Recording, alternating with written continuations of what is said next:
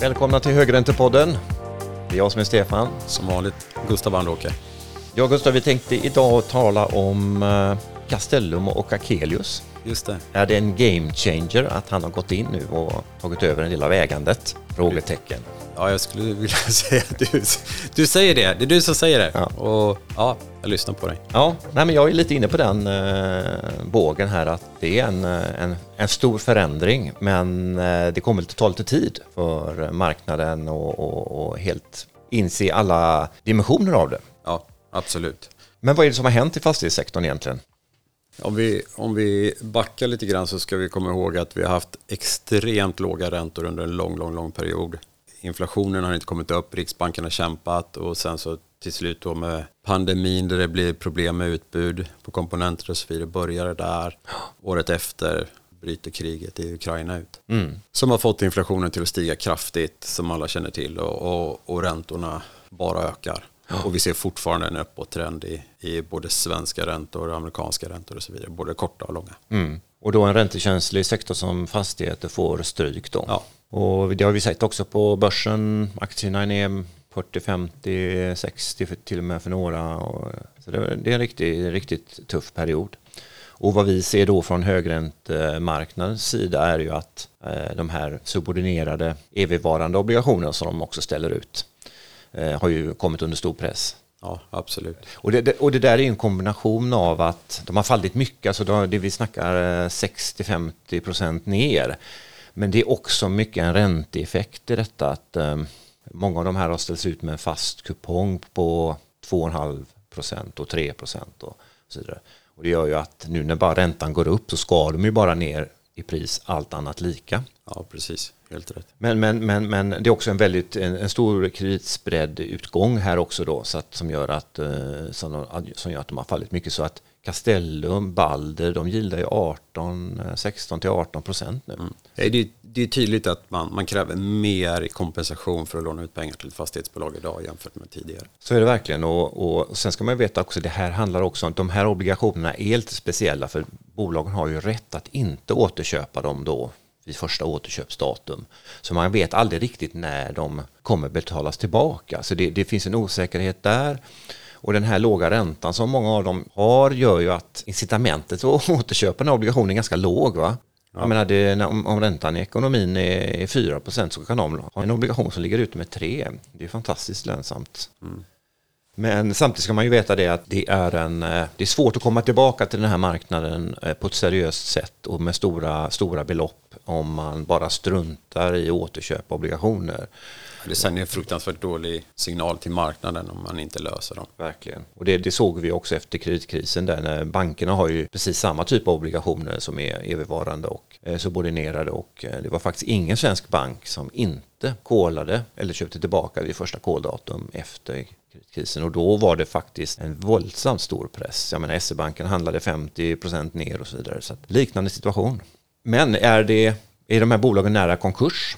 Eh, Än så länge ser vi inte det när vi, när vi räknar på det. Det är det inte och de handlar inte fruktansvärt dyrt. Om du går på de mer seniora obligationerna som, som ligger högre upp i kapitalstrukturen, längre ifrån eget kapital, aktiekapital, så, så handlar de inte alls långt, kanske runt 6-9 procent i, i generellt för de stora fastighetsbolagen. Precis, och det är ju, där är det många bolag som är idag. Eh, Så, att, eh, så lite har de väl eh, försvagats, men det är ju långt ifrån en nära en default-situation eller någonting sånt där som, Absolut. som den seniora marknaden prisar in. Då. Så det, det ska man ju ha med sig också. Och många, de flesta av de här bolagen har ju, ja några har, åkt- Castellum åkte ner en eh, notch i kreditrating här eh, tidigare år och nu kom Balder på sån här så kallad rating watch negativ. Det betyder att kanske att Moody sänker dem någon gång nästa år då. Eh, om inte Balder vidtar vissa strukturer. men nästa sänkning skulle innebära att det går från investment grade till high yield. Så är det och det är en eh, stor eh, sak för Balder faktiskt. Och, och samtidigt så har de också en S&P rating som ligger triple B flat och så de ligger två notcher över en high yield. Men de kan ju också plötsligt sänka och sådär. Så att Det kommer med nästa, mest analys av dem. De kanske inte gjorde den bara.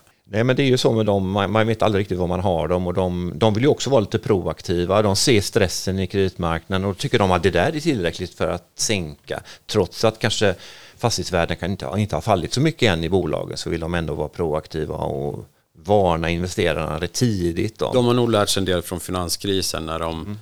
fortfarande hade trippel A på en del investeringar som var ja. eh, riktigt, riktigt dåliga. Ja, verkligen. Så att, eh, okej okay då, men om man skapar lite perspektiv på det här. Vad, vad, eh, om vi tittar på historiska skeenden, hur mycket har fastighetsvärdena fallit eh, vid tidigare kriser? Ja, om, vi kollar vid IT-kraschen 2001-2003 då, då var ju fastighetspriserna ner cirka 9 procent. Mm. Medan i, i finanskrisen 12 2008-2009. Och det höll sig ungefär i fem kvartal innan de var tillbaka på, på de höga nivåerna igen. Det som jag ser som en skillnad nu mot då, det är att eh, då var det i stort sett bara en ökad premie för risk. Liksom. Marknaden krävde en högre kompensation för det här. Och då faller de ner. Ja. Den här gången så ser vi samtidigt att räntorna går upp. Ja. Så det, det, är rätt stor skillnad för mig. Mm. Vi pratar om att vakanser ökar sannolikt och det blir svårt att kompensera det i driftsnettot genom att höja hyran. Även om jag kanske bara har en vakans hos mig i min fastighet så kanske grannen har två vakanser. Så det är svårt att driva upp hyrorna samtidigt som det är mycket vakanser där ute. Än så länge har vi inte så mycket vakanser. Men det kan ju förändras med tanke på hur ekonomin ser ut och den privata ekonomin är mycket svagare idag kanske konsumera mindre i, på restauranger, barer inne i stan. En del butiker som kanske får lägga ner, då, då ökar ju vakanserna. Vi har inte sett det ännu, men det kan bli så. Mm. Och sen har det kommit ett par domstolsbeslut också. Där det visar sig att nybyggnation, en nybyggnation får man inte höja mer än cirka runt 50 procent av CPI då, eller KPI.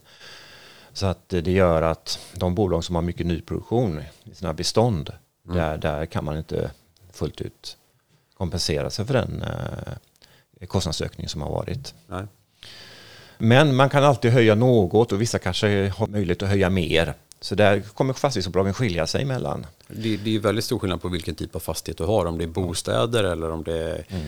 kommersiella fastigheter inne i stan med, som jag pratar om nu precis, eh, restaurang, barer och, och små klädbutiker eller smink eller frisörer. Jämfört med om du ligger i ett större köpcentra och kanske har matbutik som, som Lidl eller Netto och mm. liknande som, mm. som kommer gå relativt bra då jämfört med andra, andra fastigheter. Mm. Och, och butiken i sig går bra. Om man tittar då, 9% sa du IT-kraschen och sen hade vi kreditkrisen. 12 Ja, så om man bara antar då att fastighetsvärdena den här gången kommer falla med 10 Mm. Vad betyder det för LTV på Balder till exempel? Eh, det skulle betyda att i, om de har 58 ungefär idag och så räknar man om då det är 58 procent så tänker vi att istället så den där fastigheten går ner från 100 kronor till 90 kronor. Då är det uppe på cirka 65 i, loan to value istället i det fallet. Och då skulle det verkligen är, man, är man över 60 för S&P då är mm. det ner, då är det high yield. ja, precis. Så då behöver Balder göra någonting. Ja.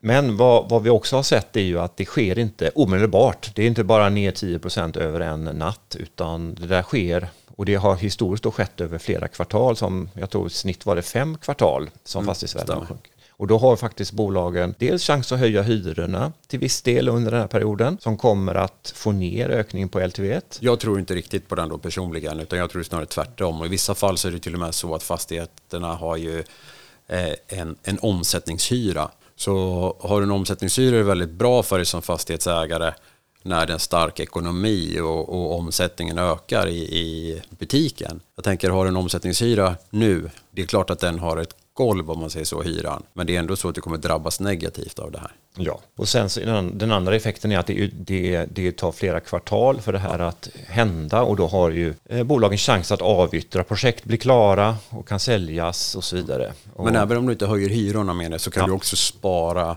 ja. dina vinster liksom. Ja, man och inte göra några aktieutdelningar. Exakt, och det kommer vi nog se mer av. Och det där, gör, det där gör att skulle till exempel ett bolag som Balder eh, Eh, kunna höja hyran på de fastigheter man kan höja hyra och, och eh, med, den, med den, de projektavslut som ligger i pipen så blir det faktiskt bara lite drygt 1% i LTV-ökning från, från 58 till 59, eh, kanske 60. Det som du är inne på Gustav, det är väldigt mycket osäkerhetsfaktorer. Hur ser vakansgraderna ut och så eh, om ett år och så vidare. Så att, men, men, men lite sådär fungerar beräkningen i varje fall.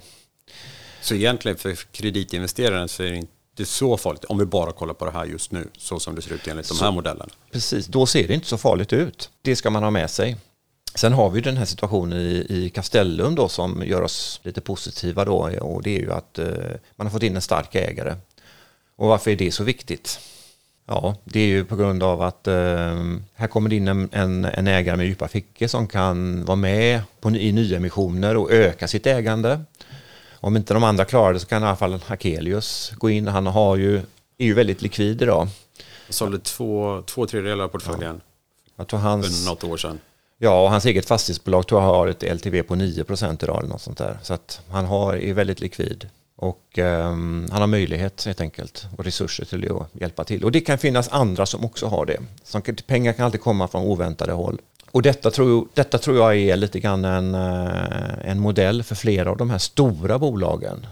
De här stora bolagen, Castellum, Balder, Heimstaden och de som har investment grade rating. Där tror jag att sådana här grepp kommer vi se mer av. Och då, inte, om då, då kanske inte kommer in en ny kontrollerande ägare eller en ny ägare så kan det ske nyemissioner ja. som stabiliserar situationen. Sen har ju de, de starkaste bolagen är också rätt viktiga för bankerna. Så de kan ju faktiskt gå till banken. Även om det är lite dyrare att låna på bank idag så kan det vara betydligt billigare att låna där ja. än i, i kreditmarknaden. Och bankerna har ju också ett incitament när de redan har kraftiga utlån till fastighetsbranschen överhuvudtaget så kommer de inte vilja låta de här stora bolagen falla. För då innebär det ju problem för ja. alla banker. Ja, just det. Den här lilla fastighetsägaren ute på landet har ju inte samma viktiga ställning här för, för bankerna. Nej, precis. Eh, så, så de påverkar inte stabiliteten överhuvudtaget. Så de ligger sämre till här om de inte klarar av det. Ja, men det, det är det där fenomenet too big to fail. Ja. Och där menar vi att de här stora bolagen de är, det blir för en stor röra och det blir för en stora, stora kostnader av att låta någon av dem braka ihop. Mm. Så att eh, där kommer bankerna, och bankerna har redan utlåning till dem. Samtidigt som banken kan ställa krav på, på att, att de skjuter till lite mer eget kapital, ja. alltså nyemissioner och liknande. Ja, och så håller de marknaden stabil eh, och de här bolagen under armarna i en besvärlig period. Mm. Och där har vi ett exempel, eh, ett annat exempel, too big to fail, är ju Stordalen och hans hotellimperie. Ja, nu senast under pandemin ja, när ja. blev stöttat då, inte, ja, delvis bankerna men också staten. Ja. Fick han ju. Han är ju oerhört central där. Ja, precis. Och, och, eh, och idag är han ju i full fart igen. Så det, det, det, det är det som händer. Men är du en liten hotelloperatör och hotellägare så får du inte den hjälpen. Och, och det är samma sak här, att är du en litet fastighetsbolag så kanske det inte ser lika muntert ut. Nej. Sen, det, sen har inte de små fastighetsbolagen, beror lite på vad man menar med litet ja, och, och, stort. Ja. Det, det, är en stor variation.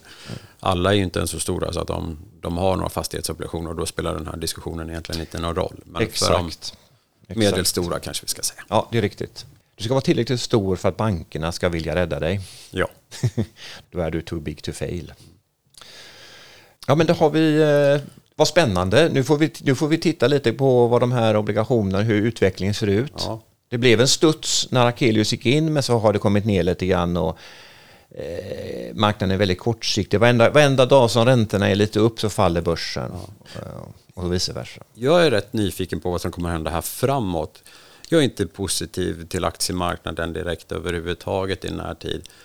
Men den dagen när räntorna, alltså när inflationen, eh, Riksbanken och, och Konjunkturinstitutet bedömer ju att inflationen kommer vara runt en halv procent redan om ett år i stort sett i slutet på 2023.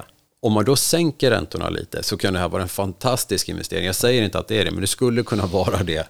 Att gå in i, i en sån här utbombad marknad ja. i, när det väl vänder. Då kan det gå riktigt fort. Ja, alltså nu, nu är femåriga soppräntan i Sverige 3,25 eller 3,30 och går vi ner bara till 2,30 ja. så är det ju en stor uppsida på de här räntekänsliga sakerna. Ja. Så att, eh, jag håller helt med dig. Så att eh, det blir väldigt spännande att följa. Mm. Men här tror vi ju att kreditmarknaden har en, eh, en chans att vända tidigare än aktiemarknaden just på grund av de här strukturgreppen som pågår nu. Då. Mm. Även om vi inte riktigt har sett det än. Ja, men vad bra, men vad bevakar vi mer då? Ja, det är väl egentligen rapportsäsongen nu då? Ja, det är rapportsäsong. Och, och sen är inflationen och, och räntan, vi förväntar oss en ränteökning igen i november, februari. Och sen får vi se vad som händer med inflationen. Vi ligger lite efter den amerikanska mm. liksom, ja, schemat, höll jag på att säga, i, i inflationen. Så man kan förvänta sig att amerikanerna börjar toppa ut, ser det ut som. Va? Mm. Och vi får väl vänta på kanske att 2023, att vi kommer in i 2023 så, så kanske dämpas med, med Riksbankens eh, prognos på och då kan 10 procent. Och då kan det gå fort, för det är i alla fall enligt Konjunkturinstitutet som ja. Eh, faktiskt har en, eh, en prognos där det faller brant nästa ja. år. Så det återstår att se då. Det, arbetslösheten såklart. Ja. Den, den amerikanska marknaden är fortfarande superstark och det var också en väldigt intressant eh, siffra som kom nu senast. Där det är fler som deltar men lönerna går inte upp som man hade förväntat sig och det är också positivt för mm. inflationen. Just det. Ja, vi ser sådana där eh, små, små saker som är hoppfulla och, mm. och det är faktumet också att fraktpriser, råvarupriser är ner. Mm. De flesta råvarupriser. Så ska man komma ihåg att aktiemarknaden har kommit ner kraftigt i år. Ja. Och kollar man snittet på, på alla stora nedgångar som har varit så, så är vi nära de ja. sämsta åren. Liksom. Ja. Så, så här någonstans, det är klart. Om man är långsiktig så kanske snitta in sig inte är fel. Nej. Men fortsatt stora svängningar och det är inte så att vi ur den trenden överhuvudtaget. Snarare tvärtom, att vi sätter lite lägre toppar och lite lägre bottnar. Så mm. det är liksom inte, det är inte över ännu. 200 dagars pekar fortfarande neråt. Och så.